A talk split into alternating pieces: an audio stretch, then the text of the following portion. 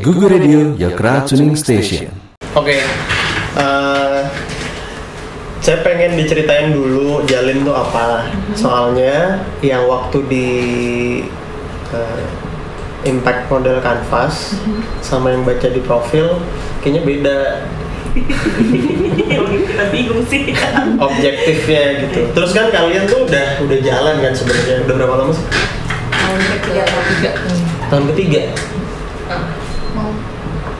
Mau masuk tahun ini, ini masuk tahun ketiga sudah dua tahun berarti. Oke, coba ceritain. jadi sebenarnya kalau jalin tuh um, value propositionnya tuh kita apa sih uh, offering produk yang breathable tapi juga natural dan uh, Produk yang apa? pro- eh, produk fashion atau akses dan aksesorisnya yang uh, breathable dan Breathable? Nah, yang yang apa ya yang nyaman dipakai dan Oh. dan natural gitu. Terus um, emang itu awal apa namanya awal munculnya. Terus um, kita concernnya karena kenapa sih kita pakai uh, pakai konsep natural itu dari dari segi produksinya dari segi produknya juga? Karena kayak kita tuh concern banget sama pewarna-pewarna sintetis yang uh, mencemari lingkungan di, di sekitar. Yang selama ini kita lihat di berita dan aku sama pernah juga lihat sendiri gitu di sungai di Banjarmasin di mana itu sangat toksik sekali. Jadi kita pengen nawarin ke orang-orang opsi yang lebih sehat opsi yang lebih ya lebih ya lebih lebih lebih etis untuk konsumen. Tapi waktu pertama kali di eh, waktu buat emang ada social eh, apa namanya? Ada social objektifnya atau emang emang purely bisnis aja awalnya? sebenarnya awalnya sih kita eh, concern sama lingkungan Mm-mm. tapi kita belum tahu apa sih sosial misi soal itu kita nggak tahu kita bikin Oke. yuk gini soalnya emang cukup concern di kita juga soal limbah fashion itu sebenarnya Hmm. terus kemudian kita baru belajar abis itu oh ada yang namanya kayak gini tapi sampai sekarang pun kalau ceritanya social impact yang kita Hmm. lakukan itu kita Hmm. belum belum Oke. belum paham juga ya sebenarnya So basically dari awal emang bikin bisnis aja dan punya concern terhadap lingkungan. Iya. Udah gitu aja kan. Terus ngejalanin bisnisnya sebenarnya kayak bisnis kayak biasa gitu. Dan sebisa mungkin bahan, barang dan segala macam yang dipakai itu bersahabat sama lingkungan. betul Iya. Eh, nah ketika apa yang terus bikin peng- pengen dijadiin social eh, enterprise? Atau maksudnya hanya karena supaya ikutan di dalam Instellar atau karena kan nggak harus juga sebenarnya untuk jalanin eh, apa namanya as a social enterprise. Bisa aja as a commercial biasa tapi punya perhatian sama lingkungan itu juga sah-sah aja gitu. Nah itu kenapa? Sebenarnya kita juga eh, karena kita juga masih belajar sih. Jadi sebenarnya emang dari awal kita selalu berusaha pakai bahan-bahan yang memang eh, ramah lingkungan secara lingkungan. Hmm. kita juga berusaha pakai lokal gitu. Tapi kemudian makin ke sini berat juga gitu. Kita selalu idealis mau ini ini itu pengen Hmm. membantu pengrajin lokal tapi juga mau membantu lingkungan tapi di sana juga masih belum bisa maju. Akhirnya kita coba fokusin dulu lingkungan dulu kemarin tuh. Tapi kita sendiri juga sebenarnya nggak pernah tahu sih nggak pernah ngomongin apakah kita social enterprise apakah bukan gitu. Atau- bukan gitu. Yang jelas kalau dari personal kita masing-masing kita memang eh, berusaha untuk eh, hidupnya lebih conscious gitu lebih eh, peduli gitu sebenarnya. Mm-mm. Nah, waktu kalau gitu, Mhm. waktu apply buat Rice, Mhm. itu social issue yang mau di solve apa? sebenarnya di waktu pertama tuh jadi awal kita bikin nih terus kita oh uh, kita ngembangin bukan ngembangin kita memberdayakan uh, orang-orang sekitar rumah kita gitu dengan satu orang kita ngambil sampel orang itu kerja sama kita dan lain-lain gitu terus uh, adalah si Rising ini kita juga sebenarnya nggak aware itu social enterprise Oke. itu gimana sih? Terus kita daftar aja gitu kan lalalala masuk gitu. Masih ada si orang ini. Oke. terus uh, lagi berjalannya Rising uh, ada satu dua masalah. Terus kita juga dapat waktu itu lo ya sempat ngomong-ngomong dari Rising terus kita olah lagi. Akhirnya eh, kita belum fokus sama si orang ini. Orang ini pun akhirnya keluar dari jalin jadi nggak udah nggak di kita Oke. gitu. Nah kalau ditanya kita waktu masuk Rise Inc emang kita udah aware ini oh kita sosial makanya kita ikut Rise Inc gitu enggak nggak sama sekali karena mungkin kita sosial ya gitu kayak waktu itu kayak bener oh ya mungkin kita sosial atau enggak ya ayo udah daftar aja dulu kalaupun emang kita tidak dianggap sosial ya kita nggak akan diterima gitu Ternyata Kita- diterima. ternyata diterima dan kita pun nggak tahu kenapa gitu sebenarnya kayak oh ya mungkin Jadi terpaksa sosial. terpaksa maksudnya Sebenarnya kemarin sempat sempat nanya sama eh, Bu Dewi ya yang. Ini dia jelasin soal apa sih soal enterprise itu kan sebelum. Terus tuh bingung gitu. Kalau jalan tuh apa ya? Soalnya secara sosial kita belum ada. Tapi environment dia tanya apakah ada khusus untuk environment gitu. Bilang oh ini sama aja. Kalau pusing sama istilah nanti dia bilang gitu. Oke. Oke jadi sebenarnya sekarang sih kalau untuk sosial kita nggak ada belum ada. Hmm, kalau mau ngomongin impact juga kita masih bingung gitu kita impactnya Ke siapa ya? Ah, Siapa yang terus menerima? kayak beneficiary siapa alam gitu ah, gimana kita juga makanya belum belum paham Oke, kalau gitu berarti eh, ini tuh bener dari masing-masing ini tuh objektifnya beda-beda ya? Atau sama semua? Dari mentoring, eh, objektif. Objektif dari masing-masing social enterprise tuh sama atau beda? Oh beda-beda. Beda-beda. Hmm. Oke, kalau gitu objektif kalian di dalam si eh, racing yang sekarang apa? Maksudnya Untuk menemukan kami siapa gitu. Dan untuk apa? Iya kemarin itu. Eh, awal-awal kan kita selalu ngasih objektif tuh. Sebelum objektif kalau kita sih eh, waktu itu pengen nge-define lagi kayak Oke. sebenarnya eh, impact model kita tuh kayak apa sih? Soalnya kita juga masih bingung. Terus beneficiaries kita tuh sebenarnya siapa sih gitu? Eh, ada nggak sih kayak gimana sih cara ngukurnya? Kayak kalau misalnya beneficiariesnya alam hah bisa nggak gitu? Kayak cara ngukurnya gimana? Gitu aja sih terus apa lagi? Apa dulu sih gue sebenarnya malu tau masa? Tapi yang nggak tau kalau kayaknya yang kita rasain memang untuk mendefine lagi kita tuh udah di kita pengen punya beneficiaries kita pengen menguntungkan orang lain nggak pengen cuman nguntungin kita. Cuman kita nggak tahu jalannya tuh udah bener nggak sih kayak gini nggak sih gitu. Kita pengen define ini tuh kalau ternyata gitu sebenarnya ada yang orang lain yang bisa diuntungkan sama kita dengan cara ini gitu kita pengen tahu gitu caranya gimana Secara bisnis deh sekarang, eh, kesampingin dulu soal social deh. Secara bisnis kalian berarti udah jalan 2 tahunan Mm-mm. dan sudah profit berarti. Hmm, nggak selalu tapi ya sudah profit. Eh, tapi bisnis plan dan segala macam udah sudah menjalankan bisnis plan secara utuh atau masih waktu awal mulai gimana? Kita kan sebenarnya kita tuh nggak ada yang backgroundnya sama sekali nggak ada yang bisnis. Oke. Jadi kita emang nyobain gitu. Oke. Kita awalnya tadinya bertiga terus Syara masuk, Syara bisnis sih. Cuman Syara kan baru nggak ya beberapa bulan lalu lah gitu. Nah emang di awal kita berantakan banget sih gitu. Kita nggak ngerti bisnis, nggak ngerti finance. Ya, makanya kita belajarnya pelan-pelan banget gitu. Baru mulai agak rapi itu setelah kita ikut kinara kemarin. Oke. gitu ikut kinara kemarin tapi agak shock karena jomplang gitu kan antara yang beneran mulai baru mulai dan masih berantakan kayak kita gitu. Salah satunya sama yang udah beneran develop. Nah dari situ juga kita ngerasa kayak ini tuh berguna kayak event kayak rising dan lain sebagainya gitu. Cuman kita nggak bisa nih ikut kayak langsung kinara ini gitu. Kita nyari lagi mau belajar lagi gitu. Kalau kalau ditanya sekarang bisnisnya udah rapi atau belum belum serapi itu sih mas kayak Tapi udah punya ini bisnis plan. uh, ada bisnis plannya ada gitu Se penjualan yang harus terjadi berapa Mm-mm, kayak gitu gitu udah ada. itu baru dilakukan setelah Iya, tapi baru dilakukan setelah Kinara gitu. Artinya setahun. tiga bulan ya Kinara tahun lalu? Kinara tahun lalu sih. persis Akhir tahun soalnya soalnya gue ikut di Wastra tuh tahun lalu Iya, tahun lalu berarti ya baru setahun. Oke. Kalau soal keuangan sih uh, profit uh, tapi di bulan-bulan tertentu aja. Jadi ada Iya. bulan-bulan di Nggak mana kayak kita sama sekali nggak bisa push salesnya gitu. Hmm. Terus uh, masing-masing dari kita juga belum ada yang digaji dari Hmm. proses jual beli produknya, Hmm. tapi pakai pakai apa? Pakai service lain gitu. Uh, Service lainnya gimana? Service lain punya service dekor juga, dekor Oke. wedding. Sama ini digaji dari itu terus. Tapi intinya kalau nggak ada itu belum bisa juga gitu kita juga. Tapi udah di bisnis plan ada gaji kalian. Eh, untuk yang sekarang ada, untuk yang tahun ini ada. Tahun lalu belum ada sih. Di tahun ini berarti sampai dengan Februari sudah di Bukan tahun ini, baru dari Maret. Kita bikin sampai nanti. Gitu. Nah, baru dari Maret. Berarti baru 18 hari yang lalu gitu.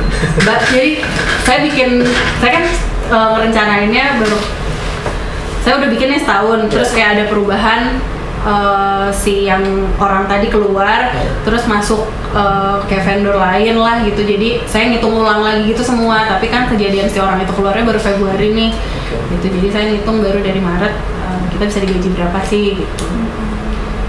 Tapi belum gajian berarti. Belum. Emang ya problemnya itu kita belum bisa uh, jadi so- tiap kali ada threshold sales segini nih misalnya Iya. kayak itu tuh kita kalau misalnya nggak ada event kita tuh belum bisa naikin lewat online-nya gitu. Waktu sama Kirana udah dapet tapi kan eh, bisnis plan ideal berapa penjualan yang harus terjadi berapa, profit yang harus terjadi berapa persen, itunya udah dapet. nggak dijelasin secara detail sih nggak dijelasin secara detail ini harus berapa ini harus berapa cuman waktu itu memang kan diminta bikin semua terus aku coba bikin terus aku nanyain lagi ini gimana gitu terus dia bilang oh iya udah udah bisa gitu dia udah benar coba terusin aja dulu ngitungnya gitu Jadi omset per bulannya udah ketahuan tuh udah, udah berapanya kayak ketahuan gitu. udah ketahuan udah ketahuan juga misalnya di bulan keberapa kita akan minus di bulan Ya. berapa akan bisa gajian di bulan keberapa kita akan nggak bisa gajian gitu udah udah Cuma ketahuan yang kayaknya merasa aku kurang sih gimana cara kita ngebaca datanya itu. Kayak tahun per tahun kan pasti ada kenaikan atau keturunan, penurunan. Hmm. Nah, kita belum bisa bikin satu rangkuman yang kayak uh, menunjukkan ini growth gak sih? Gitu kayak perbandingan profit sama produk produknya apa sih? Jauh gak sih ya sama Cost of ratio-nya kayak itu tuh udah sehat belum sih? Gitu kayak kita tuh Hmm. belum belum punya Oke. anak cara menganalisa itu. Soalnya kalau saya nggak punya pengalaman eh, bisnis retail, Mhm. terus eh, nggak punya pengalaman juga kalau misalnya bisnis bisnis seperti ini itu tuh margin sehatnya tuh berapa gitu. Mhm. Jadi mudah-mudahan kalian udah dapat itu waktu sama Kinara gitu. Udah ada sih Dapet, itu. eh, ininya. Nanti di share aja di di apa di email soal ini biar saya bisa tahu bahwa sebenarnya yang kalian eh, secara bisnis Hmm. yang kalian plan itu tuh berapa Hmm. karena nanti kaitannya kan sama kalau bisnis kan intinya sales yang terjadi Hmm. sales yang terjadi itu eh, proses salesnya tuh gimana gitu maksudnya jualannya gimana apakah memang harus masih ikutan eh, bazar-bazar dan Hmm. event-event terus atau udah bisa di luar dari itu gitu di laporan keuangan udah kebagi revenue streamnya misalnya yang kalian jualan di IG juga kan iya dari direct uh, sales berapa, event berapa, udah udah dibagi sih udah kebagi. Udah. Yang paling banyak masih dari event. event memang Berapa kali lipat berarti? jauh sih jauh banget jadi kalau nggak ada event kita sales dari website tuh sampai sekarang kayak paling sebulan uh, kurang dari 10 gitu kalau event eh, 50 minimal. bisa tergantung eventnya sih kalau 25. lama ya kalau panjang gitu eventnya bisa sampai 40, 30 gitu tergantung eventnya apa juga gitu. berarti berapa kali lipat ya Lima. tiga tiga tiga kali lipat. Kalian tuh made by order ya? Atau Hmm. emang udah ada stok? stok kita udah ada stok Cuman cuman emang nerima. juga made by order terus emang kesulitannya adalah nge-push online sales itu. Kayak kita nggak belum tahu apa yang apa yang selama ini jadi hambatan gitu apakah kalau pricing ya filosofinya pricing semua ada gitu. Maksudnya kayak pasar semua bisa dicari ke apakah kurang di em, marketingnya sosial media marketingnya ataukah cara soalnya kita belum bisa SEO juga gitu. Apakah website kita udah udah udah udah cukup terpercaya gitu kayak em, cara cara apakah cara membayarnya yang selama ini sulit gitu kayak belum tahu gimana atau misalnya em, simply karena kita kurang kurang marketingin ke banyak ke lebih banyak orang lagi gitu kayak gitu Nanti tolong kirimin aja ya si si bisnis plan-nya biar saya eh, kebayang eh, apa namanya bisnis size-nya tuh seberapa sih gitu, apa yang didapat. Tapi karena kalian di Rising jadi kan tugasnya social enterprise. Hmm. jadi kayaknya saya memang harus lebih banyak soal itu gitu. Eh, ngomongin dan untuk mendapetin si social enterprise. Eh, walaupun di ujung akhirnya nggak harus sama. Jadi kalau misalnya kan kemarin yang ikutan di eh, impact model kan cuma kalian berdua. Jadi saya refresh lagi soal soal impact model. Dan spektrum di social enterprise dan commercial enterprise jadi kalau kalian ingat kemarin tuh saya cerita soal eh, ada yang pure social activity sama satu lagi eh, commercial pure, pure commercial gitu. di contoh saya waktu itu di di pure commercial itu adalah Merck gitu. Kenapa contoh yang diambil tuh eh, Merck? Karena Merck itu kan perusahaan obat. Biasanya orang melihat karena ini yang dikerjakan adalah eh, sebuah perusahaan obat memberikan dampak baik ke masyarakat. Sehingga orang melihat bahwa oh ini tuh social business. Padahal eh, di contoh yang ini yang Merck lakukan itu adalah memang it's a purely commercial business jualan obat seperti halnya jualan makanan minuman dan yang lainnya sebagian dari profit dia dia pakai untuk sosial CSR gitu. Eh, ini bukan berarti dia nggak peduli sama lingkungan, nggak peduli sama sosial dan segala macam. Kepeduliannya adalah untuk eh, apa namanya? Ya dia menjalankan bisnis, tapi dia juga punya kepedulian terhadap lingkungan, eh, masyarakat dan segala macam. Di ujung paling jauh itu adalah eh, di ujung satunya itu sosial, yang purely sosial. Kemarin tuh yang jadi contoh eh, ini Room to Read. Room to Read adalah sebuah organisasi yang dibentuk sama saya lupa salah satu early salah satu pendiri atau early employee-nya dari Microsoft. Eh, terus dia bikin si perpustakaan ini gitu, di mana dia pertumbuhan perpustakaannya tuh kencang banget. Eh, hampir sama kayak McD McD kan pertumbuhan McD itu eh, banyak dan cepet gitu. nah eh,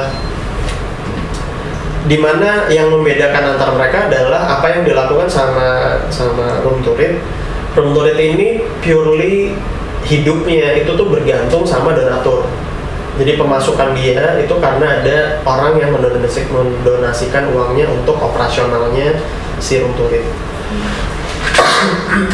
Nah, eh, dia nggak melakukan bisnis sama sekali.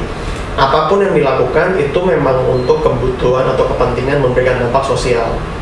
Jadi kalau melihat ujung-ujungnya kayak gini, di antara itu ada banyak jenis lainnya makanya bentuknya spektrum gitu. Jadi bukan bukan kalau nggak sosial komersial nggak gitu gitu. Jadi di antaranya tuh ada yang porsi sosialnya juga ada komersialnya juga ada gitu.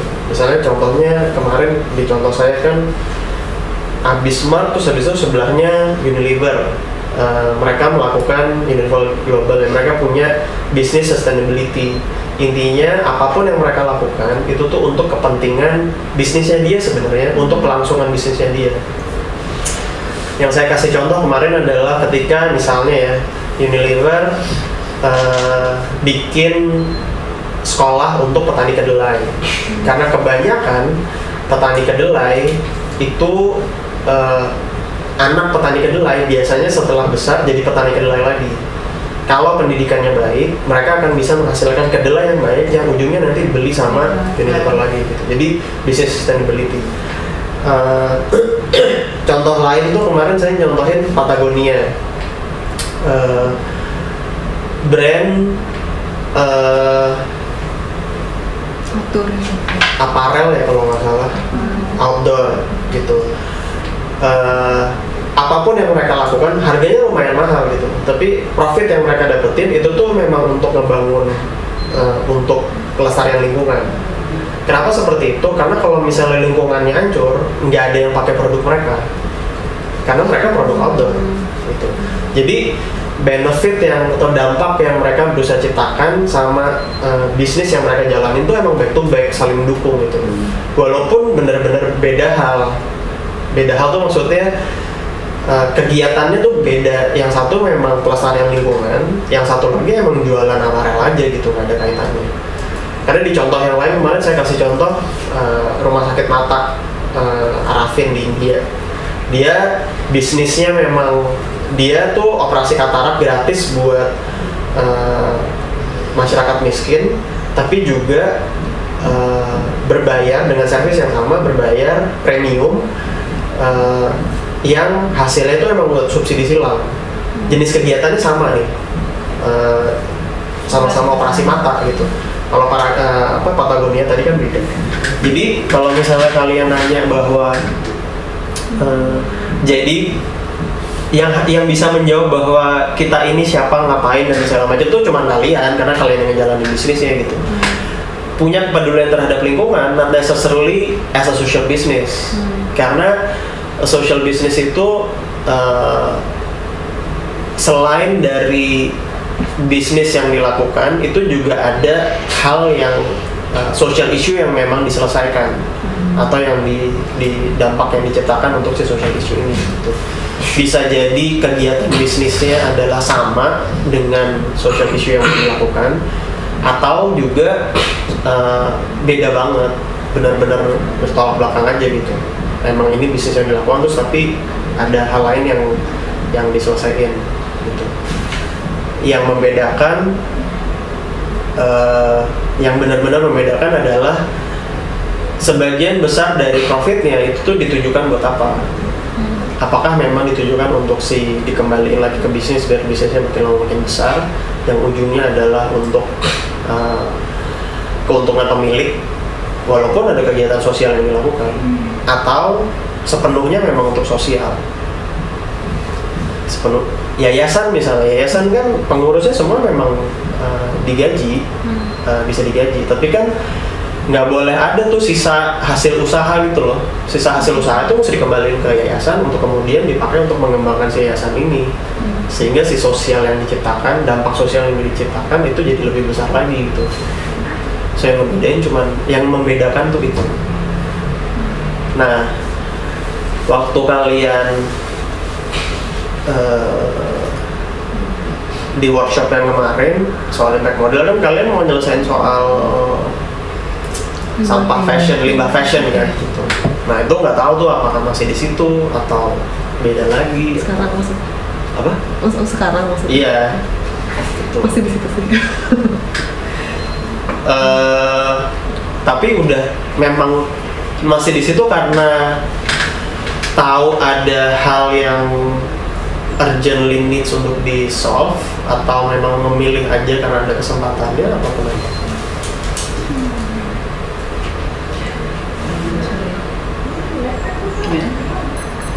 Eh, limbah limbah fashion termasuk eh, yang menyumbang berapa persen ya dari sampah? Kalau maksudnya dibilang urgent juga.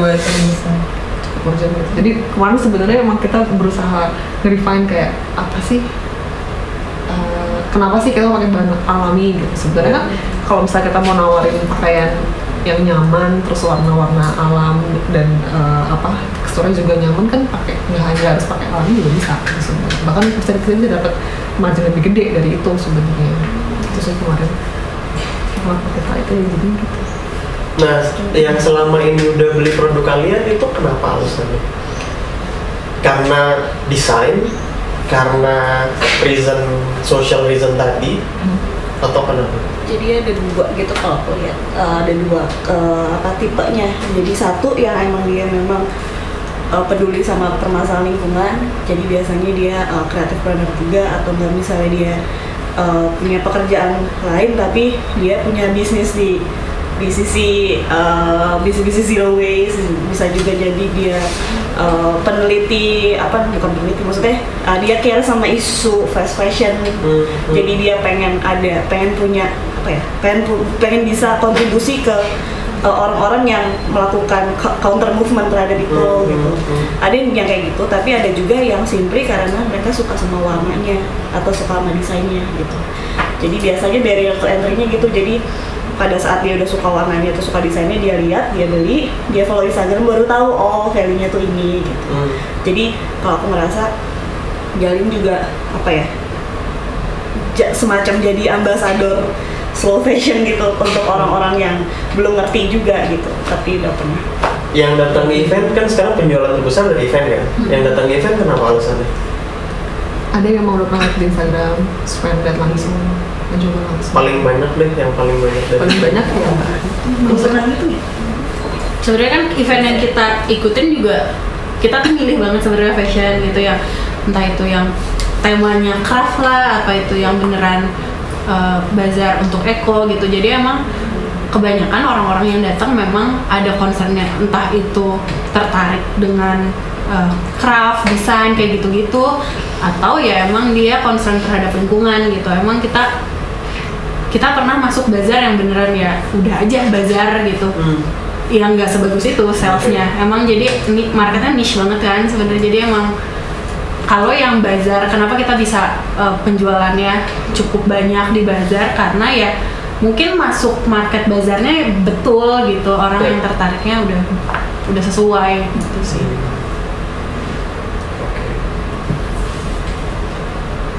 Nah kalau dari si di business plan itu eh,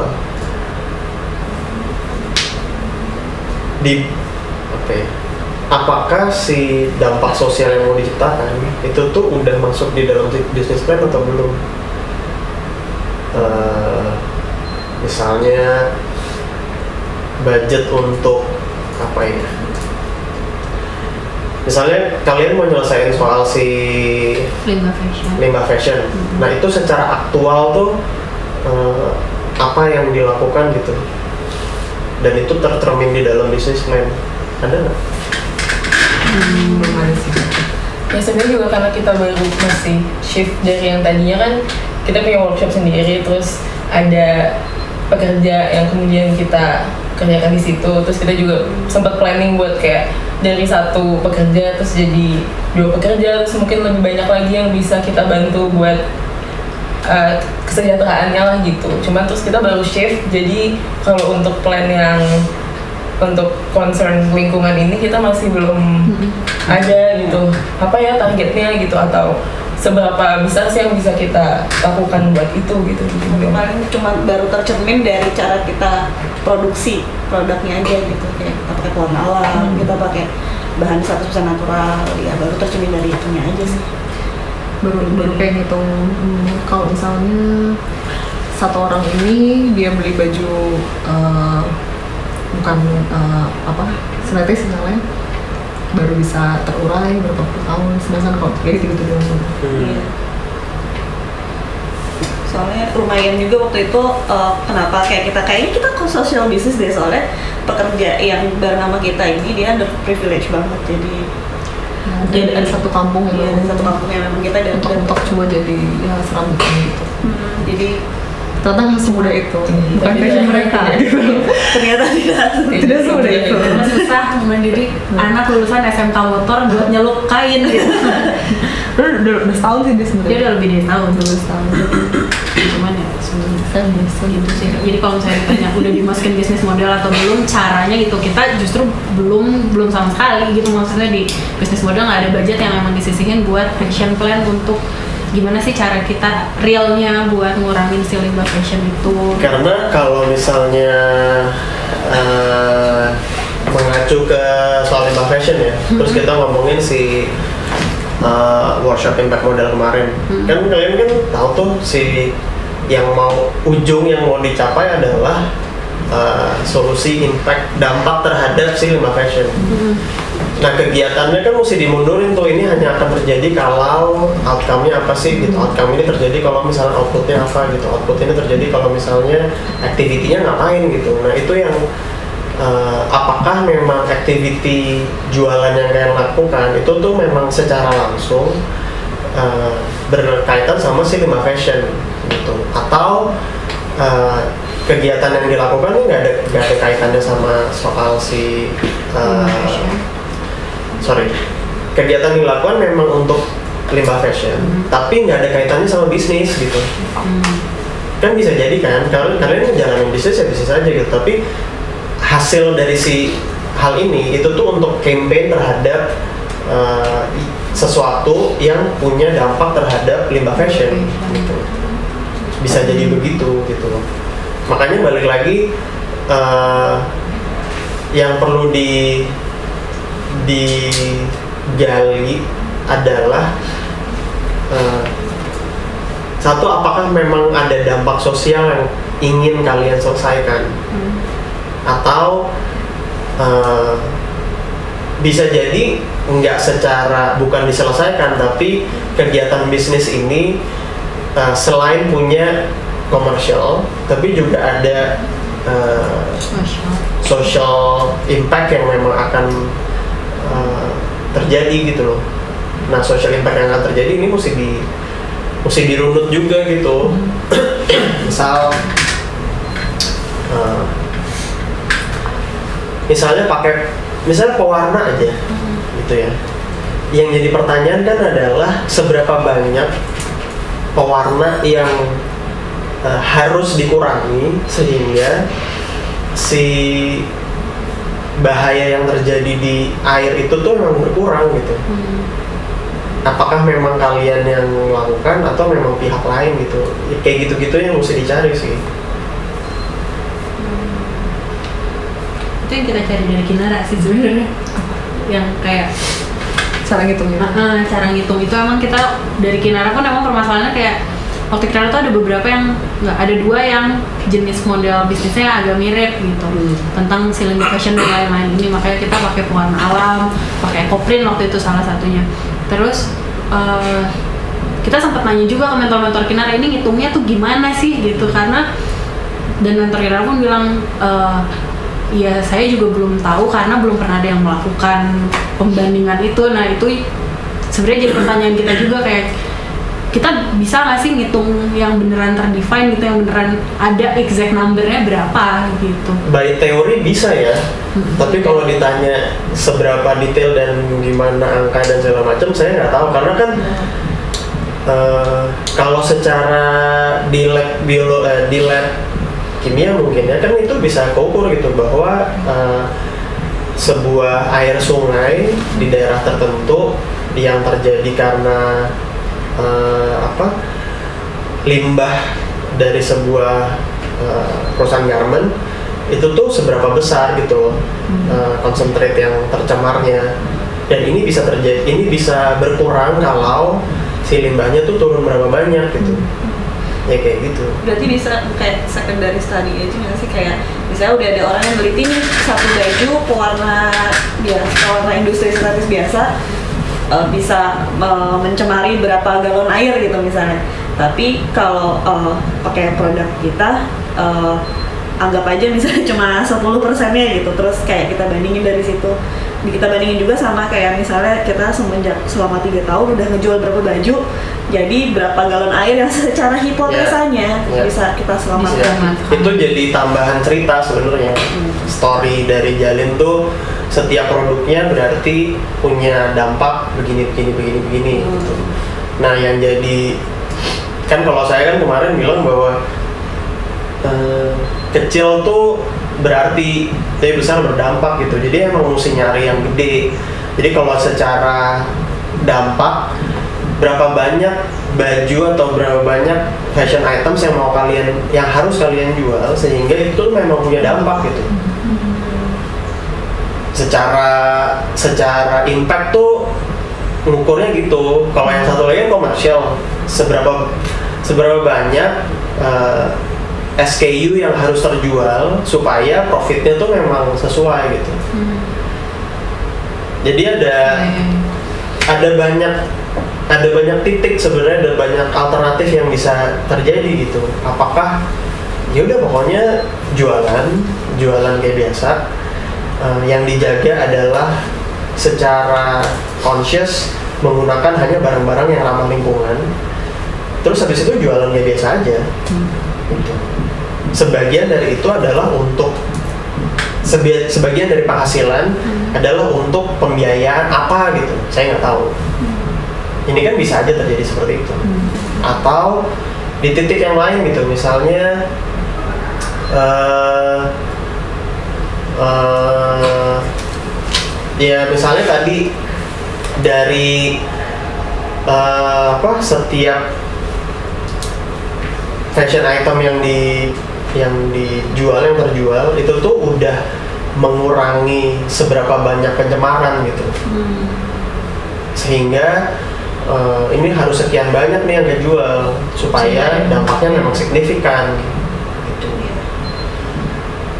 Nah kalau misalnya saya tarik sama limbah fashion yang jadi pertanyaan kan adalah seberapa apa limbah fashion apa yang mau dilakukan yang di reduksi di solve lah gitu.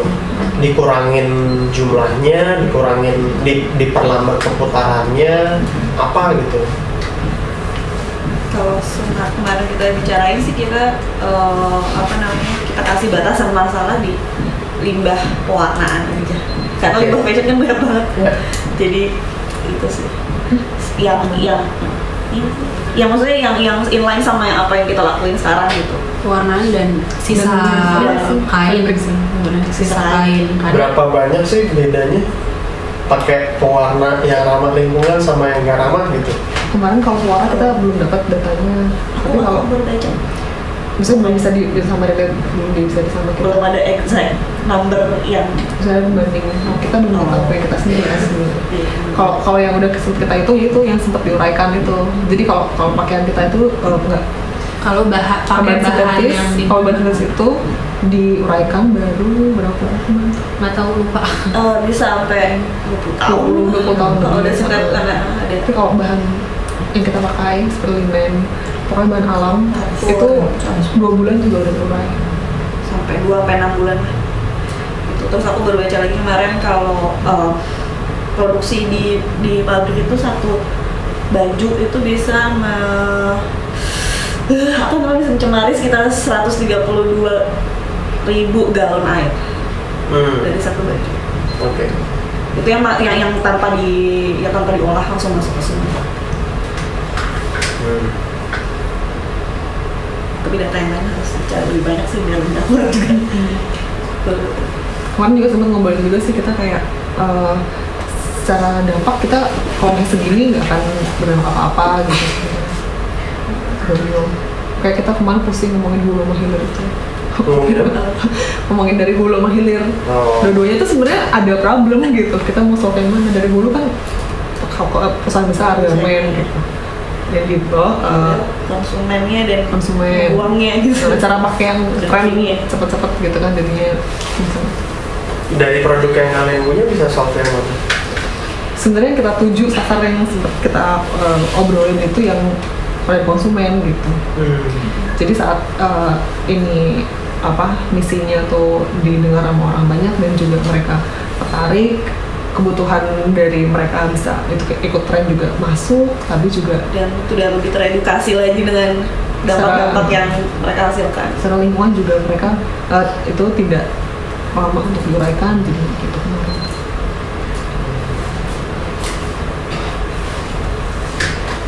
Abis itu tuh kita bikin lagi mas di studio. Pusing lagi tuh lumayan berapa tadi Kalau oh, jadi lebih cepat gitu. Oh iya. Mungkin ya kita nggak ada yang ngasih tahu jadi rasanya sih. Rasanya sih betul kalau di rumah, nggak tahu kalau di bawah. coba aja dibawa Ada kok sih Tapi nanti mungkin susah Tuh, Ada. Gimana bacanya itu? gimana gimana eh, Ini kita dua kali gitu nyobain. Jadi mungkin yang ini. Kecil-kecil ya kalau nggak salah tuh atas tuh yang kita bikin waktu workshop. Oke. Yang bawah tuh abis itu kita berusaha bikin lebih apa lebih dipertajam aja gitu. Belakangnya kan nggak tahu. disepakatkan kayaknya. Menyediakan produk ramah lingkungan ini yang sekarang dikerjakan kan berarti? Iya. sama-sama yang ini. Seberapa ini ya mereka nih. Seberapa besar concernnya gitu ketika beli barang? Eh, Sebenarnya- ini pewarnanya pakai apa ya gitu? Eh, sebenarnya untuk udah udah banyak eh, grup-grup yang memang eh, secara personal mereka secara entitas hidupnya semua tuh sudah sangat concern sama itu gitu. Kayak misalnya baju ih ini apa sih kemarin tuh eh, H&M sih. Maksudnya gitu gitu Hmm, hmm. semacam kayak gitu gitu dia udah sangat uh, tapi di sana kalau misalnya di event gitu masih paling banyak orang yang memang suka sama bajunya. Dan menurut mereka sih uh, dia ada punya value ramah lingkungan nggak nggak masalah gitu ada apa enggak. Tapi yang pasti desainnya dulu. ya itu kayak semacam barrier to entry-nya lah gitu. Nah, barrier. Bukan barrier gerbang gerbang mereka buat akhirnya cari tahu lebih tentang. Pengennya sih. Dan kita share juga ada value ini loh gitu. Jadi mereka pakai yang punya concern terhadap isu itu biasanya siapa? biasanya orang biasa juga. Kok ya orang yang bisa nggak harus. Seseorang gitu. Kalau misalnya kalian bilang bahwa di event-event yang diikutin, kan kalian milih tuh yang mau ikut yang mana aja. Nah itu tuh yang salesnya paling tinggi, itu tuh yang jenis event yang kayak apa gitu. Eh, Kria misalnya, Kria kan ya peduli lingkungan nggak peduli lingkungan ya pokoknya kajian ini kan gitu. kerajinan yang sebenarnya kalau dari yang event lebih banyak yang emang eh, masuknya karena suka desainnya, suka Oke. mungkin lebih aware sama desain kayak gitu-gitu. Kalau dari umur memang eh, umur-umur setelah lulus kuliah sih udah mulai kerja gitu kayak di atas 21, di atas 22 Semuanya. Itu udah mulai ada gitu. eventnya kemarin juga yang paling itu semasa. Eventnya terakhir yang kali ini ya semasa ada semasa craft dia. Craft sih semasa tuh. Semasa kayak tapi tapi contemporary craft dia mah. Susah kalau gitu gimana ya ada em, kalau semasa tuh dia sebenarnya bikin tujuan dia sebenarnya mau supaya orang-orang jauh lebih senang untuk dia jalan-jalan ke kota tua. Jadi dia bikin eventnya tuh di kalian kota tua. Tapi entah kenapa dia punya udah punya masa yang memang antara ekspatriat. Terus orang-orang yang memang eh, setelah kita coba cocok gitu. Eh, lokal market produk Lokal produk lokal. Coba ya saya tanya, eh, kalau misalnya kalian bikin barang-barang kalian sekarang ini dengan desain yang sekarang, tapi menggunakan pewarna yang biasanya, yang bukan bukan ramah lingkungan, desainnya sama. maksudnya Kalau Secara desain, Desain. sama nggak? sama secara produk- desain produk kan? yang akan dikeluarkan oh nggak nggak ada bedanya Nggak ada Kalau bedanya. orang lihat sih bedanya. Jadi bisa jadi kalian itu ramah lingkungan nggak ramah lingkungan, orang tetap beli produknya. Hmm. karena belinya karena desain. Sementara kalian punya uh, benefit sebenarnya pintu masuk untuk uh, ngasih tahu soal conscious terhadap limbah fashion. Pin, cara masuknya pakai justru cara masuknya pakai desain. Desain kalian kan sebenarnya mau produknya Apa lama juga atau ada sih. segala macam. Pokoknya karena memang secara desain itu baik, terus orang mau beli gitu. Karena kalian punya keuntungan ini, karena punya yang soal yang ini, makanya terus habis itu ada pesan yang kalian selipin gitu loh. bahwa uh, kita tuh harusnya conscious sama sama lingkungan, sama apa yang kita pakai dan segala macam gitu. Menurut saya perspektifnya mesti begitu sehingga uh, uh, kalian akan menghasilkan desain-desain yang lainnya. Terus abis itu memang harus ada cerita yang dikasih gitu karena ini tuh uh, gini deh paling sederhana. Saya lah misalnya gitu ya. Misalnya saya nggak pernah paham soal soal pewarna buatan itu mencemari dan buruknya tuh berapa dan segala macam gitu. Pokoknya ada baju bagus beli. Gitu. terus kan lihat punya jalin. Terus saya suka. Karena desainnya karena saya nggak pernah berpikir bahwa ada warna buatan yang segala macam itu. Terus beli. Terus as a plus point saya ternyata ini ramah lingkungan gitu. Karena buat saya kan itu kan ternyata kan ternyata ramah lingkungan. Kalau setelah itu kemudian saya punya consciousness terhadap segala sesuatu fashion item yang saya beli berarti saya terkena dampaknya gitu. Nah itu yang menurut saya kalau misalnya memang itu dijadiin uh, misinya kalian harusnya begitu.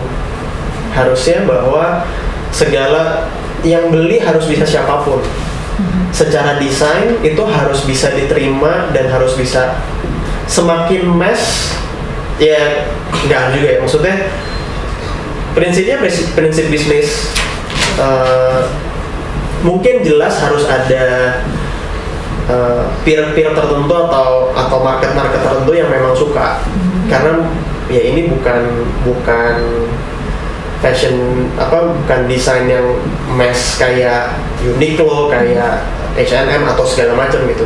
Ini agak beda tapi juga bukan yang seniche itu sehingga yang beli itu sedikit banget gitu. Jadi emang udah tahu marketnya cukup terus tahu bahwa ini tuh umurnya sekian sampai sekian eh, mereka tuh biasanya sukanya ini ini dan segala macam. Yang perlu dipastikan adalah setiap orang yang beli itu tuh memang dapat message-nya bahwa misinya Jalin tuh sebenarnya ini gitu. Thank you for purchasing our design, for buying our design. Tapi selain desain yang lo suka, lo tuh punya social impact yang lo hasilkan gitu. Baru di situ tuh emang memang relate gitu. Hmm. Jadi bukan jualan dampak sosial, jualannya jualan desain.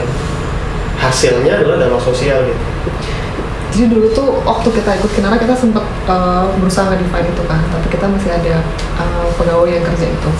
Kita itu bikinnya jadi bagi jadi tiga, satu yang ke dalam, eh bagi dua. Bagi dua, ke dalam sama keluar. Nah yang ke dalam itu maksudnya uh, apa di sisi produksi ada orang-orang yang kita bantu uh, supaya sejahtera.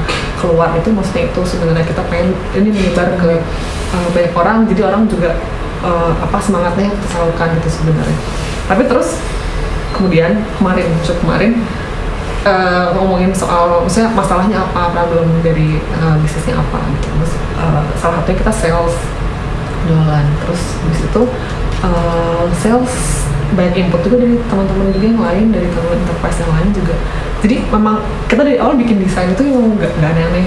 Bener kita pengennya dari anak umur 20 tahun sampai 60 tahun pengennya bisa pakai gitu ya tanpa mereka harus khawatir tampak jelek apa gimana gitu pengennya karena pengennya yang kita tujuannya kan pengennya kita deliver message-nya gitu Sebanyak sebenarnya, mungkin sebanyak yang bisa mungkin.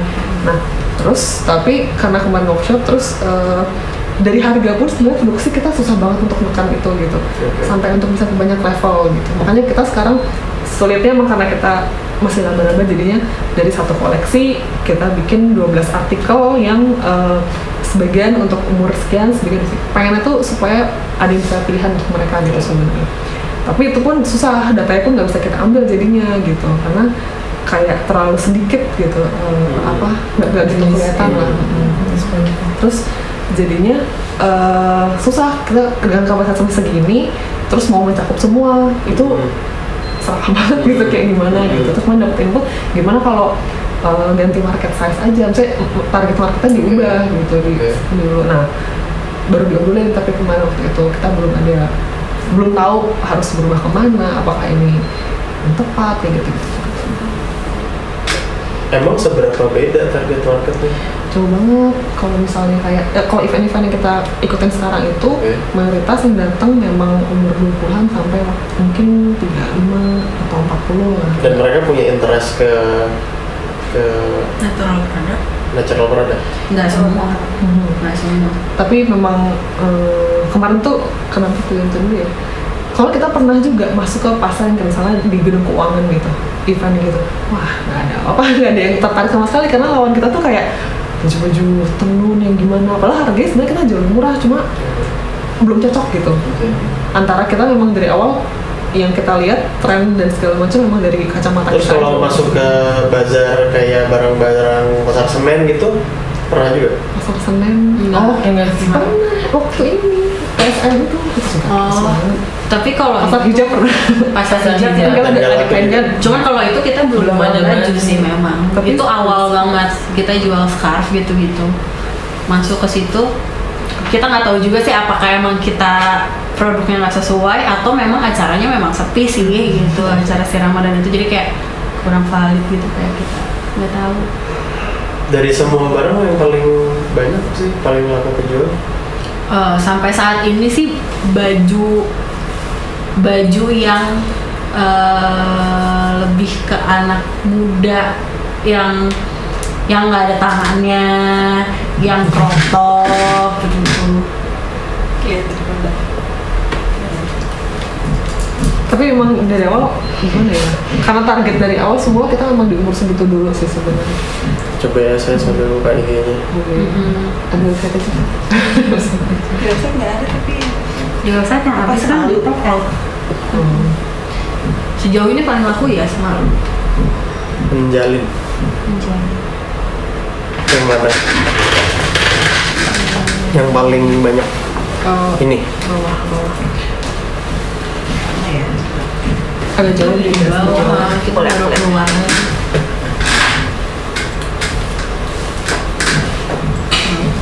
lagi.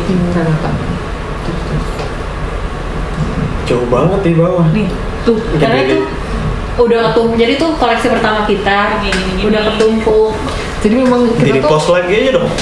itu kita lagi produksi lagi memang. Kayak kita ngeluarin special collection gitu. Nah baru akan keluar tuh bulan depan. Cuman kita bawa dua-dua sekarang.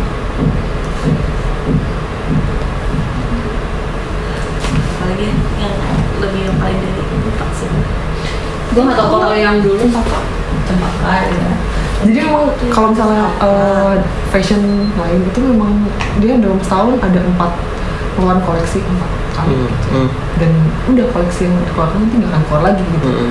Kalau kita ada kita istilahnya essential collection jadi emang artikel-artikel esensial yang jadi kayak ya, kojo Yang best selling.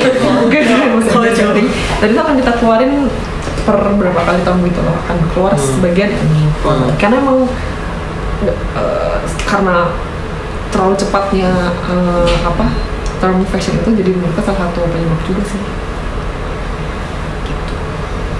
Kalian mesti dapet dulu sih kenapa mereka eh, milih jalin iya desain. Oke, desain yang mana? Berarti harus harus one on one conversation gitu tuh setiap jangan justru dilihat aja dari ininya Data penjualan. eh, data penjualan. Lihat dari yang itu terus di situ kan bisa dibaca oh yang model yang desain-desain kayak gini nih gitu. Terus eh, dilihat itu apakah itu karena event tertentu sehingga dia match di, jenis-jenis event itu atau kenapa gitu. Kita pernah ngebandingin itu sih yang waktu itu bikin grafik. iya. Kita udah pernah bandingin gitu per artikel. Sebenarnya kalau artikel-artikel sebelumnya eh jadi sebenarnya kejual semua sebenarnya mah cuman ada artikel-artikel beberapa artikel yang kejualnya lebih cepat dibanding yang lain Warna-warna yang gitu. lebih cepat. warna-warna yang lebih cepat artikel mana yang lebih Hmm. cepat cuman yang belum kita lakuin memang kayak ini kejualnya di event yang apa sih gitu Hmm. yang kayak gimana sih itu baru kita lakuin tuh ya untuk event yang bulan ini kita ti- ada tiga event. Nah kita ngebagi Hmm. mau ngebagi bajunya tuh gimana sih gitu. Kalau yang bulan ini kita udah ngelakuin kayak misalnya oh kalau di event yang ada wasra mungkin lebih banyak ibu-ibu jadi artikelnya ini ini ini gitu. Itu udah mulai dilakuin cuman kita belum bisa nge-review karena baru baru akan event bulan ini gitu. Berarti bulan depan bisa cerita. Mungkin. Hasilnya gimana ya? Kayak soalnya kalau nggak susah sih eh, kan kalian tuh perlu tahu bahwa eh, kenapa konsumen kalian tuh beli kalian gitu. Loh kita udah sempat sempat survei waktu itu bikin survei yang disebar pernah juga ngobrol langsung minta langsung. Tapi ya berapa orang sih nggak? Nggak banyak sih. Dan hasilnya desain yang survei ya. itu seratusan kalau ya yang survei uh, banyak. 220. tapi memang ya nomor satu karena suka desainnya nomor dua karena ada Cerita, Hmm. lingkungan. nomor tiga karena berarti bedanya berapa banyak satu, satu- nomor satu sama nomor dua? Ada di survei mang Tapi terus kalau dari harga masih kemahalan gitu kan? iya jadi ya.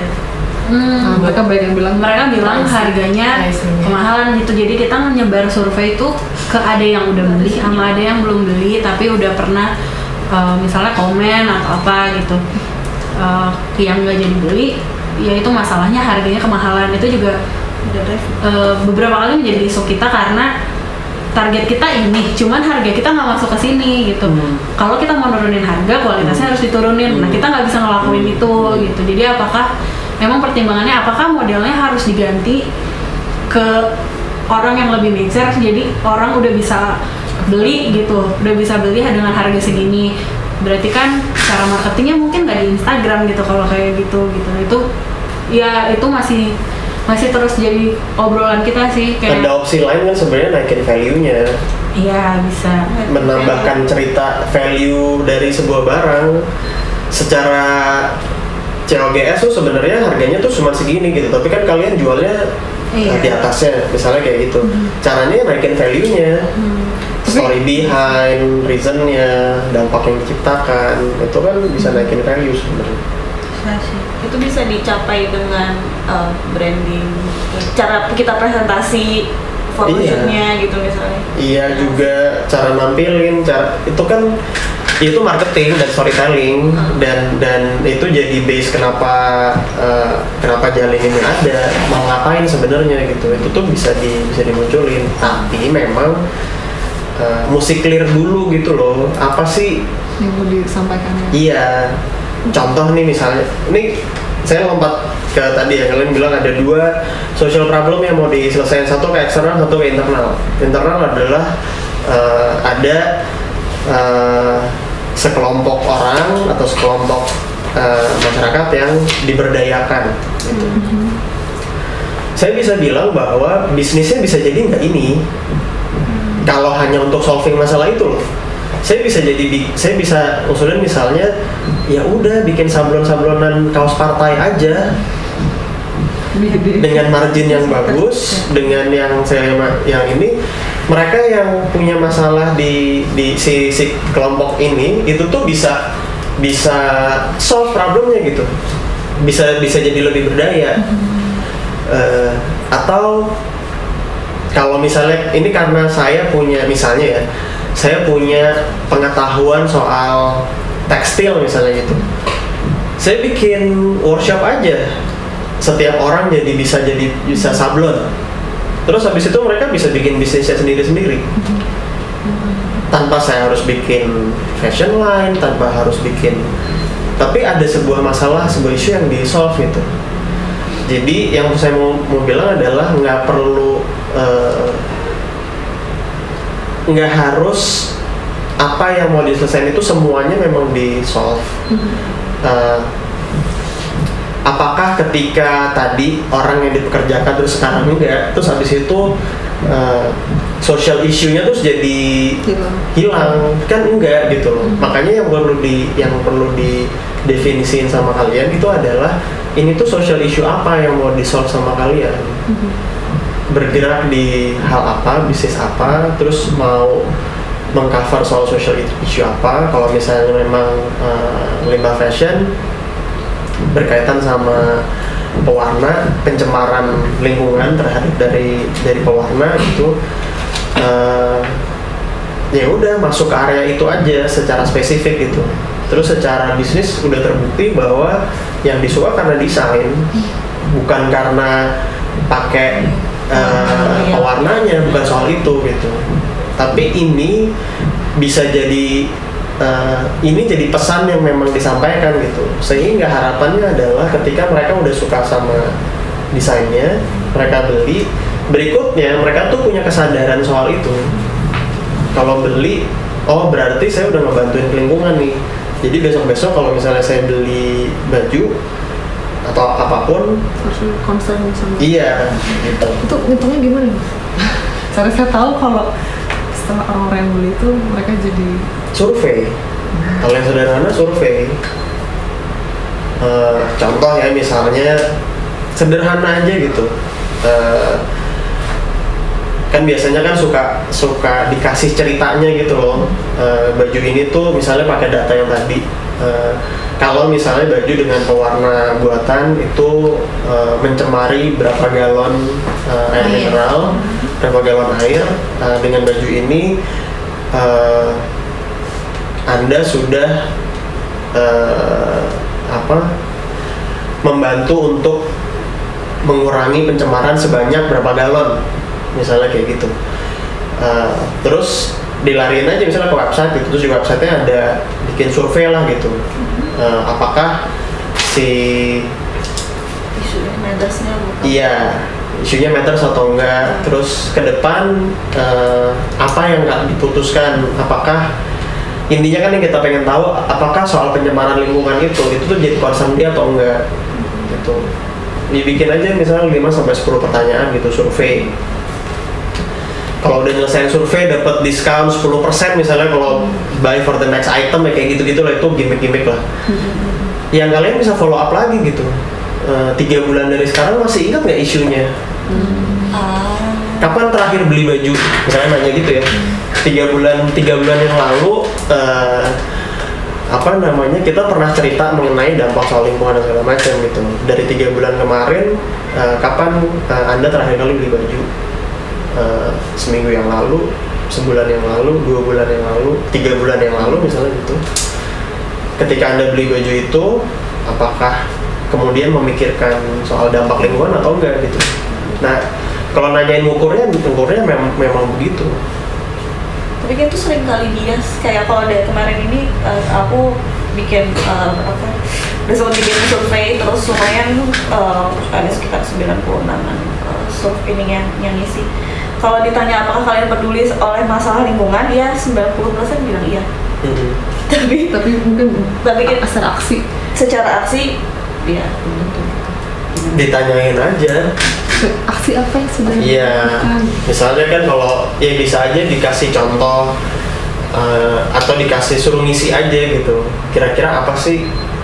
Dan jangan kalau nanya aksi sosial itu aksi sosial yang relate sama kalian. Jangan yang out of nowhere gitu. Ya besok saya akan nyumbang ke panti asuhan yang nggak ada kaitannya sama sosial kita gitu. Jadi yang yang tetap yang relate.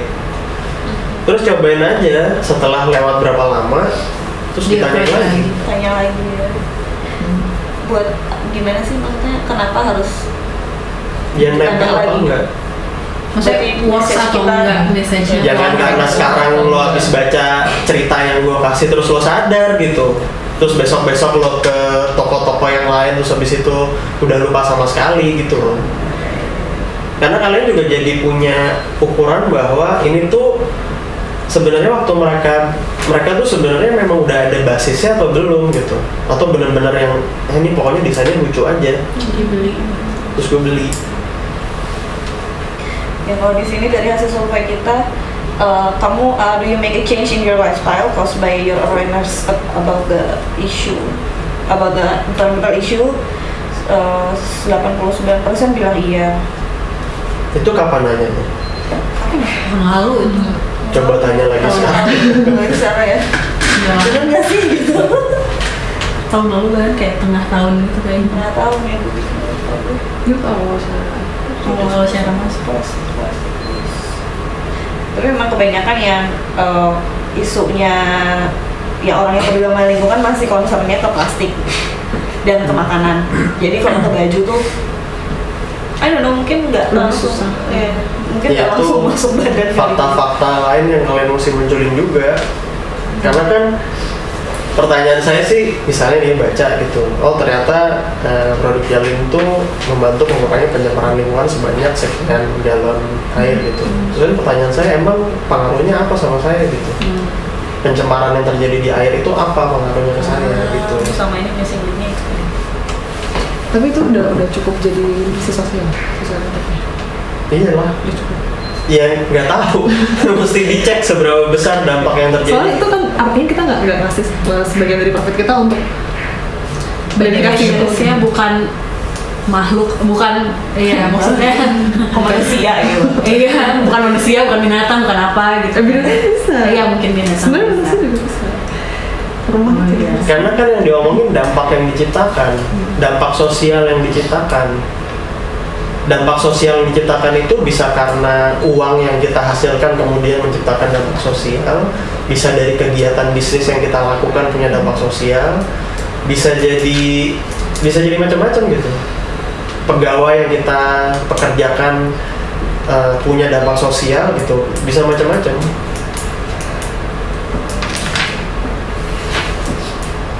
menurut kalian gimana? Itu tuh gue pernah nanya sih ke Alvin, pernah nanya ya ke kalian? Apa sih Eh, sempat mikirin apakah kayak kita produknya kita ganti aja ya, maksudnya nggak perlu sekansi sekarang, jadi kita produksi es seperti Iya. brand-brand lain. gue pernah nanya terus kan akhirnya dijawab eh, karena core yang nggak bisa karena core-nya adalah kita mau bikin natural product gitu bukan kita mau bukan kita mau ngasih impact sosial ke manusia tapi kita mau bikin natural product karena itu yang dimulainya dari situ kan. Kalau ternyata pada akhirnya itu memberikan efek sosial ya bagus gitu.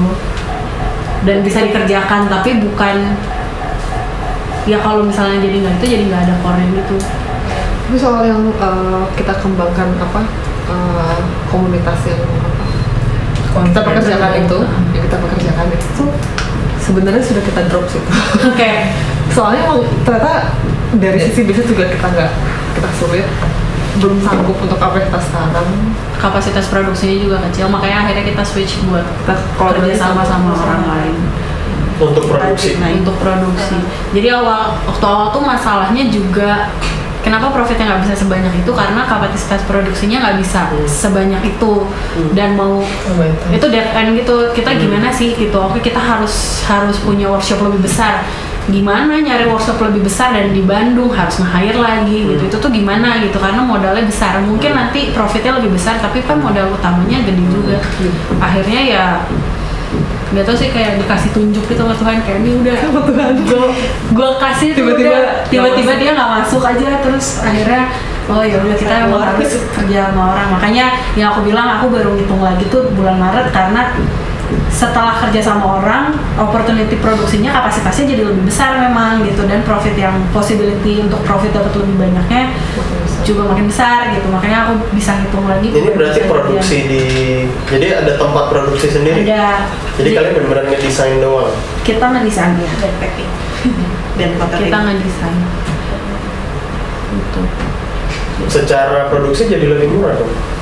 Eh, enggak sebenarnya. Mahal enggak. sebenarnya. Lebih mahal sebenarnya. Cuman lebih banyak. profit di akhirnya bisa lebih gede karena kuantitinya lebih banyak gitu. Kalau secara per piece lebih mahal sebenarnya HPP-nya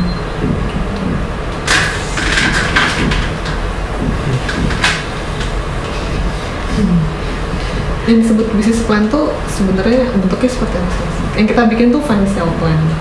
ya itu sama Eh, bisnis plan tuh ada kan financial plan kan juga ada eh, revenue stream kan Ada. rencana pemasukan dan segala macam nah bisnis plan tuh juga ditambah financial plan tuh ada di dalam business plan karena di dalam business plan biasanya ada kayak competitor review terus kalau misalnya ada eh, market mapping gitu. Market mapping tuh misalnya natural product terus yang ini yang general product kita tuh ada di mana sih gitu. Terus ada yang misalnya ramah lingkungan nggak ramah lingkungan kayak gitu gitu terus dipetain aja di antara kalian. Atau misalnya gini deh uh, satu mentingin desain. Satu mending mentingin soal apa ya uh, impact social impact misalnya gitu. Nah kalian tuh ada di mana? Kan pasti kan banyak yang sejenis gitu. Terus nempatin. Nah bisnis plan tuh biasanya kayak gitu. Terus ada strategi harga misalnya gitu.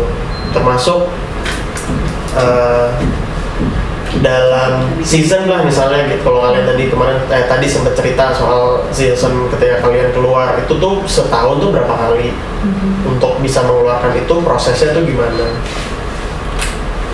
Setiap kali kan setiap ngeluarin season itu kan harus ada target penjualan kan? Nah kayak gitu gitunya sih. Ada kok udah ada sih. Tapi terpisah-pisah. Jadi kita nggak tahu itu semua namanya sih. satu dok satu dokumen. Setahun berapa kali yang rilis? Setahun tuh dua kali collection dua kali essential. Dua kali uh, koleksi baru sama dua kali essential collection tuh yang produk-produk yang uh, best selling kita keluarin lagi jadi produksinya empat kali. Empat kali ya sebenarnya nggak empat kali juga. Jadi satu kali keluar tuh nggak langsung semua gitu mas. Kita karena kan eh, nggak bisa langsung sebanyak itu. Jadi satu kali koleksi itu sebenarnya dua kali produksi gitu. Jadi keluar keluar uh, batch pertama terus nanti di tengah-tengah kita ngeluarin juga batch kedua. Gitu.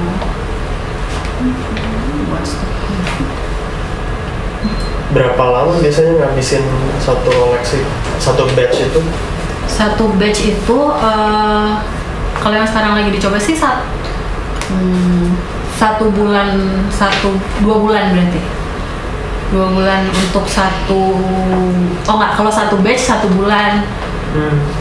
eh, Satu produksinya tapi itu cuman satu bulan sebelumnya kita pakai buat kayak desain Hmm. eh, R&D lah gitu Nah dari jadi terus sampai laku habis Mm-mm. berapa lama? Eh, rencananya rencananya sih ya sampai koleksi selanjutnya Oke, Tiga bulan. jadi. Tiga. Eh sorry, bulan. tiga bulan tiga enam bulan harusnya sih tiga tiga bulan sampai empat bulan Oke. pengennya cuman yang kejadian sih ya enam bulan tuh sisa. udah sisa kayak satu dua gitu nanti abisnya banget biasanya kita abisin kalau di event kalau udah tinggal sedikit sedikit kita uh, sell di event gitu. Ukurannya sama ya? Iya, all size. All size. enggak enggak Sekarang ada ada keluarin size yang M, L. sebenarnya M, L. size buat All kecil size. size buat besar gitu doang size sih kecil, size besar. salah satu ngangkalin karena kita baru bisa kapasitas sedikit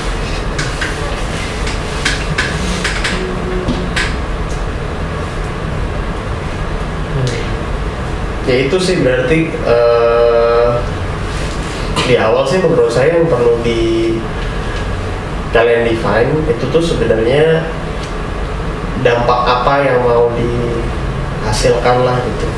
Kalau misalnya memang dampaknya adalah eh, kesadaran orang akan eh, dampak dari fashion. Kalau misalnya memang itu, iya berarti gimana caranya supaya orang memang sadar gitu loh. Ini kan kalian tuh pintu masuknya adalah desainnya. Setelah beli, berarti kan aimnya adalah setiap kali orang beli, itu tuh orang mesti punya ininya, mesti mesti terpapar sama ceritanya sama value-nya gitu sehingga muncullah kesadaran jadi punya consciousness bahwa eh, setiap fashion item yang saya beli itu tuh punya dampak loh. Punya dampak terhadap lingkungan. Kalau memang itu ya memang memang dampak terhadap lingkungan yang memang mau di mau dicari gitu. Sehingga nanti eh, yang diulik itu adalah cara menyampaikan pesan. Bisa macam-macam loh kalian bisa misalnya ya out of nowhere. Eh, kerjasama sama eh, entah siapa entah, eh, entah artis siapa entah masih baru entah lama dan segala macam ketika dia mau bikin video klip gitu. Terus kalian jadi bagian dari situ dan inti dari video klipnya adalah memang message yang kalian mau sampaikan. Eh, sebagian uang produksinya memang kalian yang kal yang nanggung tuh kalian. Karena kalian punya misi untuk menyampaikan pesan lewat video ini. Kenapa mesti kerjasama sama si artis misalnya karena dia udah punya masa masa. gitu. Kalian butuh mediumnya nih untuk nyampein pesan. Jadi karena kalian udah tahu bahwa ini tuh dampak apa yang mau diciptakan cara nyampeinnya tuh bisa macam-macam gitu. Bisa lewat si barang eh, orang beli langsung dapat ceritanya langsung bisa jadi eh, pokoknya jualan jualannya bagus terus habis itu bisa bikin video series di YouTube gitu. Hasil dari penjualan tuh jadi jadi biaya produksi Eh, bisa apa ya bisa punya regular konten di IG-nya Jalin tapi yang bukan fashion.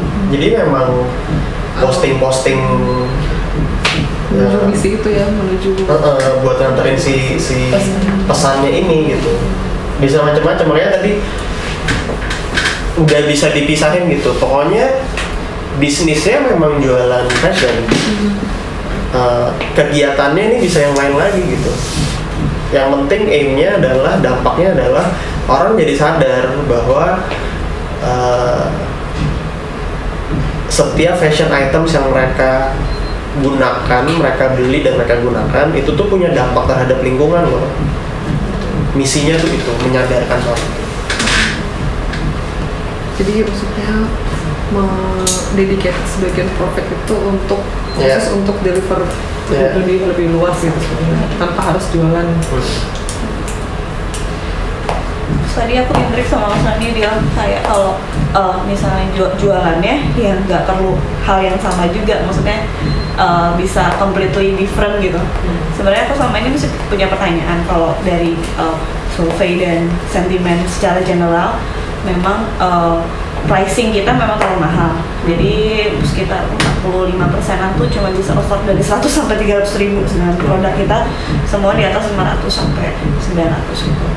Em, yang sempat eh, dipikirin juga bahwa eh, apakah kayak kalau misalnya ya udah misalnya nih kita produksi eh, kita berusaha nih untuk nge, neken produksi slow lownya gitu berarti kan produksi nggak bisa dengan kualitas sekarang kan gitu harus ada beberapa bahan yang kita kompromi gitu walaupun tuh di polyester fabriknya dan segala macam eh, agar kita bisa turunin harga bisa masuk ke market itu agar kita bisa dapat equilibriumnya maksudnya masa yang lebih besar lagi daripada yang niche banget sekarang gitu. Nah tapi pertanyaannya, eh, Jalin memang awalnya itu adalah dikenal sebagai produk yang yang natural produk gitu. Kalau misalnya kita em, in order kita untuk ngebesarin dampak kita eh, melakukan hal itu, tapi Jalin adalah ya sebenarnya orang-orang udah taunya produksi natural produk, apakah kayak kita nggak kehilangan identitas atau Ya, saya kasih kayak contoh. kayak gitu? Eh, mungkin lebih ekstrim. Eh, kalau misalnya kamu memang tetap jualannya di harga yang sekarang dan marketnya artinya memang niche karena memang harganya harga mahal gitu. Eh, bahkan di di eh, tingkatin aja harganya. Dikali tiga misalnya. Eh, sehingga untuk mencapai market tertentu. Tapi kalian memang bisa cracking si market ini dan mereka jadi mau beli gitu loh. Desainnya memang sesuai harganya juga memang worth dapat crowd yang cocok dan segala macam. Eh, tapi hasil penghasilan hasil dari sini kan di, dikali tiga tuh. Sehingga kan margin profitnya kan gede banget kan yang didapat ya kan? Karena kalian punya misi untuk memberikan dampak orang punya kesadaran sama lingkungan terus kalian bikin apa ya konser gratis deh gitu atau fashion show gitu yang melibatkan semua uh, pelaku-pelaku bisnis di industri ini dan segala macam. Uh, yang datang bukan mereka yang beli baju kalian gitu yang datang memang masyarakat yang memang suka sama fashion sama sama hal yang punya consciousness atau atau apa punya conscious atau memang emang anak kuliah yang general aja. Tapi tema eventnya tema fashion show-nya adalah memang soal uh, ramah lingkungan misalnya kayak gitu.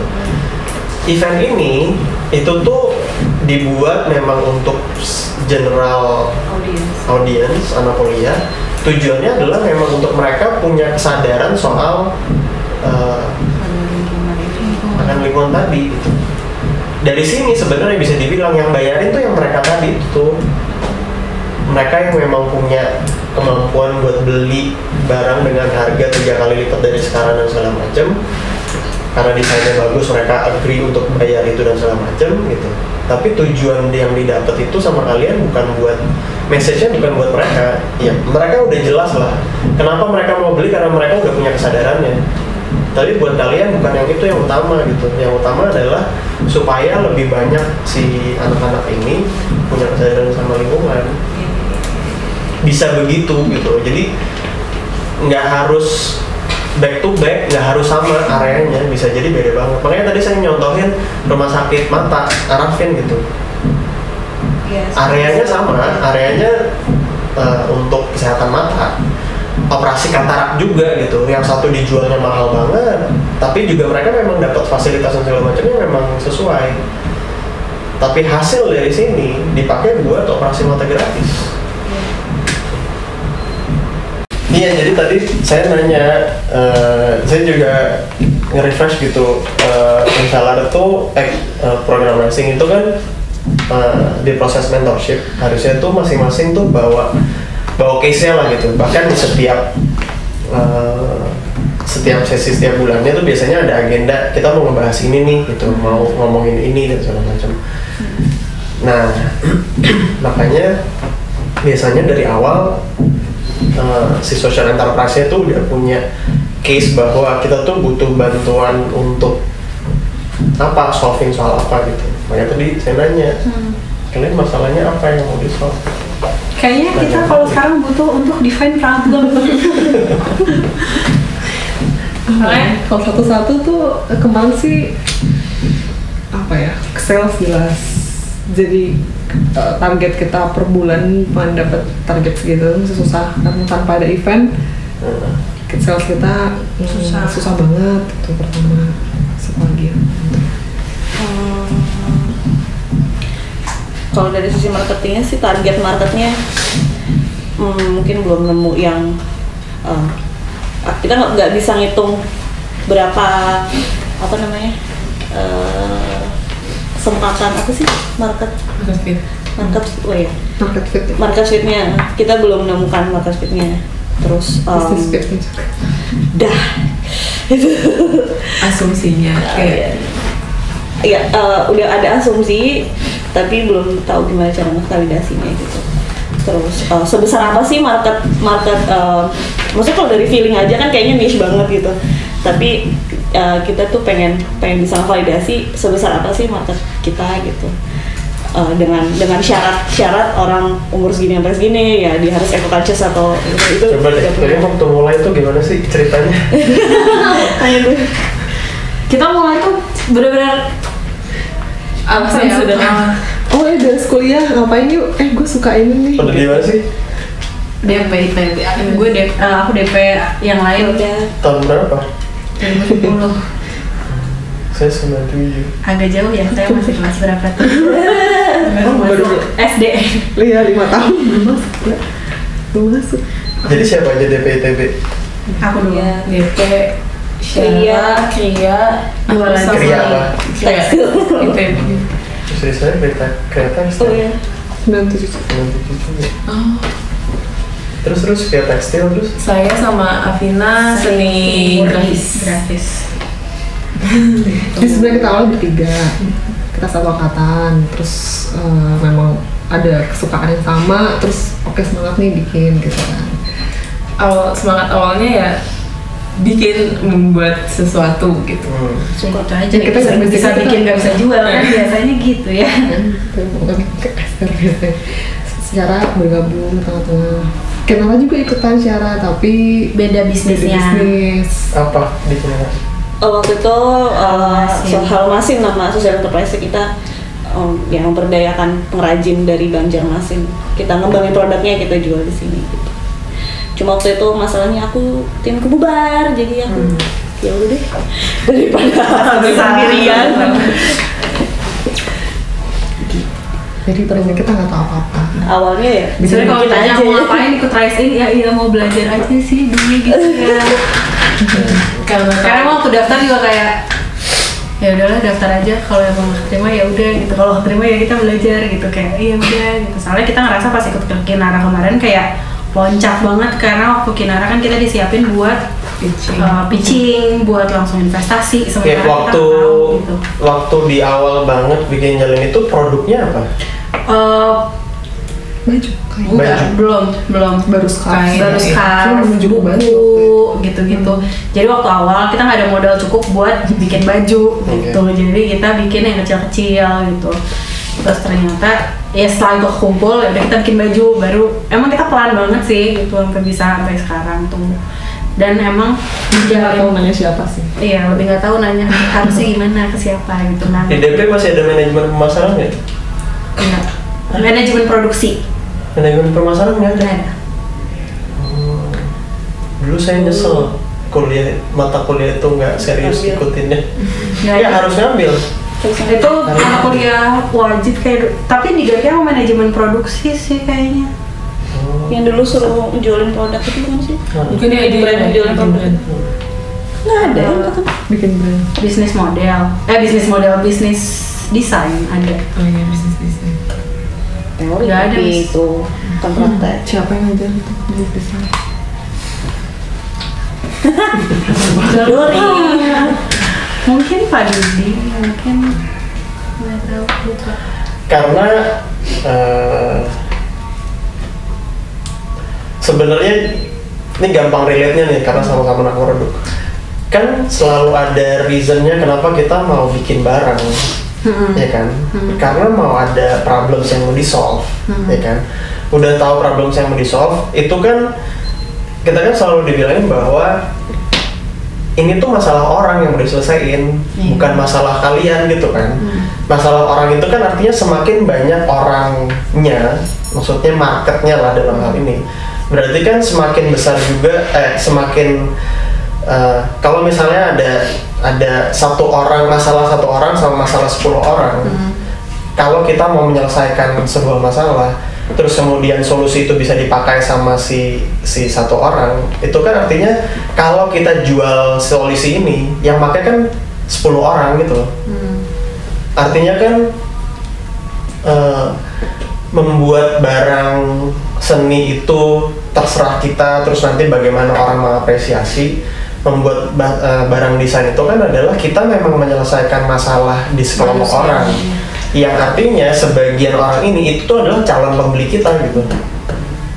Kalau di Kriya kan ada kombinasi antara ya ini kerajinan ini dengan sentuhan seni terus habis ini juga sebagian orang memang punya uh, kebutuhan akan hal ini gitu.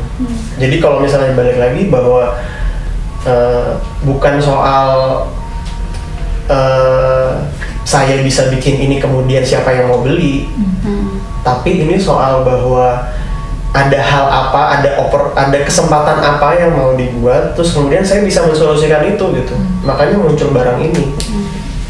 Maunya kan begitu kan? maunya begitu cuman Jalin tidak berangkat dari situ sih memang Ya. Jalin nggak berangkat dari situ cuman di tengah-tengah emang dilihat eh, kenapa kita bikin model sebasic mungkin kenapa kita bikin warna senetral mungkin biar ya biar orang eh, biar banyak diserap sama orang gitu tapi kalau berangkat dari situ enggak sih memang gitu. baru kemudian berjalan baru mulai nemu nih patternnya gini dan Hmm. Ya ikut kayak Kinara, ikut Rising itu either kita makin sebenarnya oke kita makin makin makin oh iya ngerti ini ini. Cuman ya emang makin pusing sih karena kayak oh oke sosial oh iya ah, gitu. Yang kemarin aja belum beres gitu. Kayak oh oke gitu. Memang ya masih iya overwhelm mungkin iya gitu. Cuman ya perlahan-lahan mulai Ginara soalnya agak mirip. Ginara sama ini kan agak mirip. Mas- Intinya Iya. kan mesti ada social uh, problems yang di solve gitu loh. Kinara iya ya Iya kan? kan eh, ke mana ya? Makanya kita harus nentuin iya. eh, impact eh, ini problemnya apa? Apa? Eco problem atau social problem? Soalnya yang yang sebenarnya kita bayangin problem itu sesimpel kayak oh ya ada masalah di si sungai ini kita nyediain produk ini terus mau disebar ke banyak orang biar banyak orang bisa lebih concern sama produk itu sama bisa aware sama si masalah ini. Cuman ternyata tidak sesimpel itu Ya. gitu loh pas sudah mulai. Gitu sih yang mungkin agak bingung gitu di kitanya gimana. Atau bisa jadi juga cara kita ny- nyampainnya belum terlalu artikulasinya belum baik sehingga itu mungkin buat orangnya. Kalau buat kitanya gue ngerasanya kayak gitu kayak oh ternyata stepnya banyak ya gitu jadi kitanya pun belum terdefine dengan jelas gitu loh. Tapi sejauh ini setelah proses-proses yang dijalanin jadinya udah lebih clear apa belum? iya udah jadi lebih clear. Jauh sih sebenarnya makanya udah bisa udah bisa ngitung segala macam tuh ya gara-gara ikut workshop workshop itu Eh, dan tidak harus memberesin masalah sosial? Loh.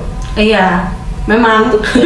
Gitu. Waktu awal pun memang nggak nggak nggak yang harus beresin masalah sosial enggak gitu. Cuman kita pengen message-nya nyampe gitu ke orang-orang pengen mungkin orang nggak sadar gitu dengan produk kita dia eh, kontribusi sama alam. Dan waktu awal memang kita ya nggak masalah orang nggak sadar gitu toh. Melakukan hal baik kan nggak harus sadar gitu sebenarnya. Iya, iya. cuman ya karena ya ikut apa ikut apa jadi kayak oh ya sosialnya gimana ya gitu. Mulai jadi mikirin gitu. Nah di sini baru kita mikir emang kita harus sosial kah? Makanya banyak pertanyaan kayak kita harus natural nggak sih sebenarnya? Iya. kita harus pertahanan ini nggak sih? Gitu. Iya. jadi kayak banyak pertanyaan kayak gitu sih. Dan udah diputusin? Itu yang kemarin itu jadi memang karena kita terlalu banyak yang ingin dicapai selesaikan. jadinya sekarang awalnya kita pakai bahan lokal semua. Bener pengajian lokal bahan apa eh, benang lokal Ngerjain juga sendiri. kerjaan yang ATBM kita pengen kayak gitu idealis banget. Tapi kemudian nggak sanggup oke karena misi kita untuk eh, mengurangi limbah fashion berarti nggak masalah kita ngambil kain dari luar tapi tetap dia diuraikan secara eh, dengan sebentar. Akhirnya kita mulai kayak gitu-gitu sih. Jauh lebih tajam aja. Oke, soalnya kalau eh, apa namanya? Kalau dari sisi bisnis deh, dari sisi bisnis itu kan eh, perhatian terhadap lingkungan itu tuh bisa jadi sebagai eh, target atau sebagai eh, dampak, sebagai tujuan, sebagai objektif, tapi bisa juga sebagai gimmick sebagai tambahan gitu karena intinya sebenarnya memang eh, ya ada opportunity aja. Opportunity itu tuh maksudnya eh, punya kemampuan buat mendesain desain yang baik eh, yang dibutuhkan sama market bisa menjawab kebutuhan pasar. Terus habis itu eh, untuk nambahin value-nya ditambahin lah hal gimmick-gimmick yang tadi gitu. Dan itu kan bisa apa pun bisa seperti itu gitu dan itu nggak bisa itu memang kalian yang menentukan gitu. Nggak bisa di dipilihin diarahin sama orang gitu.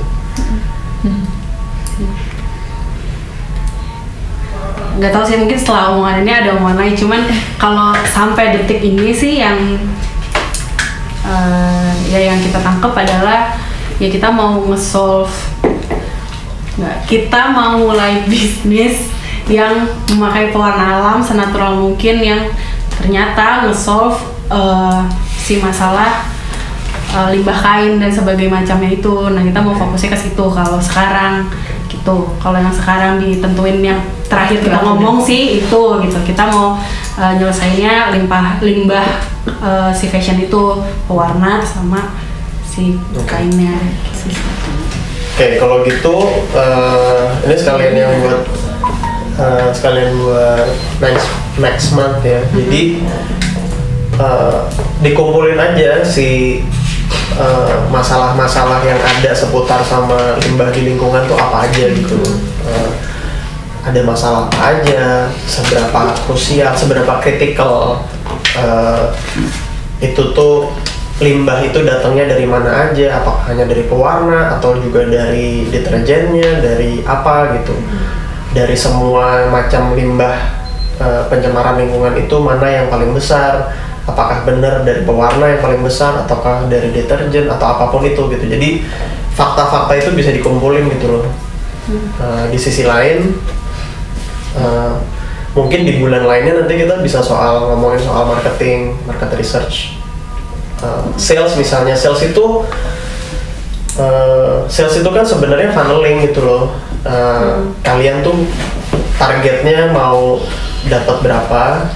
Dapat ini nih hanya bisa terjadi kalau misalnya ada berapa banyak orang yang tertarik. Uh, kan ini kan berapa banyak orang yang beli. Saya kepingin ada 100 orang yang beli gitu. 100 orang yang beli itu uh, terjadi kalau misalnya ada 300 orang yang tertarik misalnya gitu. 300 orang yang tertarik ini kalau misalnya ada 600 orang yang melihat soal kita gitu. Misalnya kayak gitu itu kan funneling kan dari 600 300 terus jadi 100 gitu. Uh, sehingga nanti bisa dipikirin bahwa untuk bisa dapat ada 600 orang ini kita mesti ngapain gitu. Bisa Kayak di gitu, backtrack gitu ya kenapa? Bisa di backtrack gitu ya berarti ya? Iya memang iya memang di dirunut begitu gitu. Uh, sejauh ini masih cuma event yang di, yang di yang beli direct dari lewat IG itu masih kecil banget gitu. Uh, coba aja berarti kan nanti dibagi dua gitu. Event tetap harus ada tapi yang non event tuh harus jalan.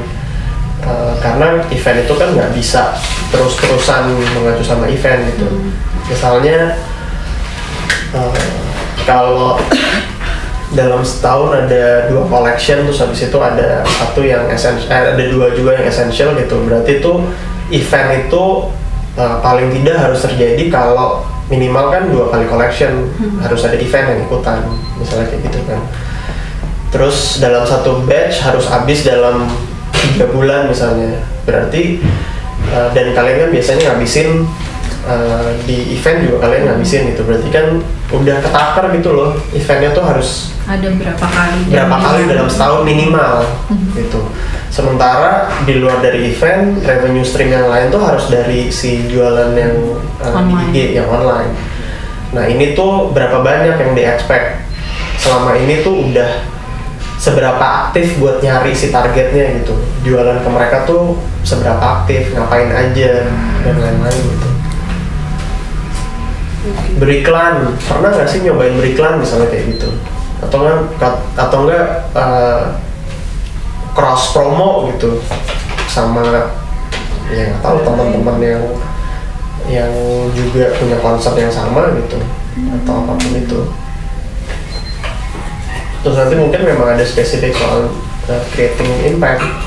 Karena begitu kalian udah tahu bahwa uh, dampak apa yang mau dicapai terus siapa? Terus marketnya sesuai apa enggak sih? Match atau enggak? Market uh, beneficiaries dari impact yang mau diberikan sama pembeli itu sama atau enggak? Bisa jadi beda gitu. Bisa jadi kalian targetingnya ke anak-anaknya SD mungkin. Bisa jadi targetinnya ke anak-anak SMA jualannya mungkin ke memang yang udah pekerja. Karena pekerja dinilai udah punya uang buat beli gitu uangnya ini nggak mungkin kalau kalau dia belum punya penghasilan sendiri eh, dia nggak bisa memvalue barang ini. Nih memang sesuai value-nya gitu. Hanya bisa untuk mereka yang udah punya eh, apa environmental conscious gitu misalnya. Yang jenis kayak gini itu uh, di umurnya tuh di umur tertentu gitu kayak gitu gitu kalau udah tahu bedanya marketnya beneficiary sama konsumen tuh di market yang sama atau enggak terus nanti kan jadi ketahuan bahwa oh berarti buat market yang kalau misalnya beda ya berarti buat yang ini tuh bikin apa ya bentuk campaignnya tuh apa gitu. Bisa jadi nggak sama.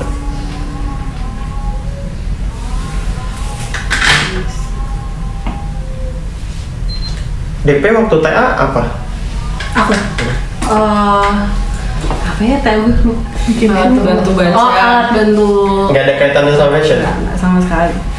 Emang waktu awal gue ikut mereka pun kayak waktu itu waktu itu aku lagi kerja sih. Terus lagi kerja terus mereka mau bikin gitu.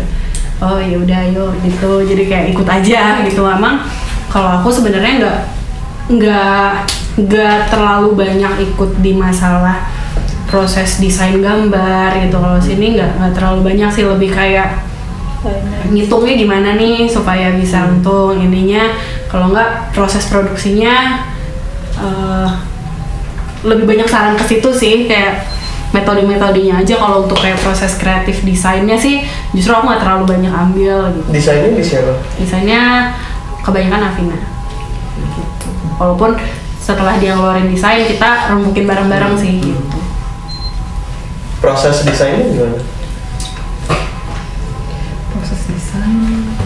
Research dulu, enggak? research research dulu. Tapi memang karena targetnya ya umur umur seperti kita yang paling boleh paling buat pakai baju apa gitu. Tapi belum belum yang kumpulin belum yang terkualitatif banget eh terkuantitatif banget gitu biasanya. Belum yang kayak misalnya kita kumpulin berapa eh, orang misalnya kayak eh, FGD gitu misalnya belum yang kayak gitu. Paling FGD internal belum yang kayak market research se- seharusnya gitu yang ngumpulin media nentuin, gitu gitu nentuin soal eh, apa namanya bahan yang dipakai dan segala macam itu di setelah desainnya udah terus habis itu baru define materi Mhm. yang ramah lingkungan dan segala macamnya di proses produksi berarti. jadi ada yang terpisah lagi R&D-nya jadi kita juga ngambilin bahan-bahan kita cari kita riset kita coba celup warna warna juga kan kita harus uh, ekspor sendiri. Terus berjalan barengan abis itu uh, kita coba Digabung di fit gitu. ini udah desain keluar ini udah udah percobaan oke. Cocok kayak mana kita sampling baru kita produksi Iya.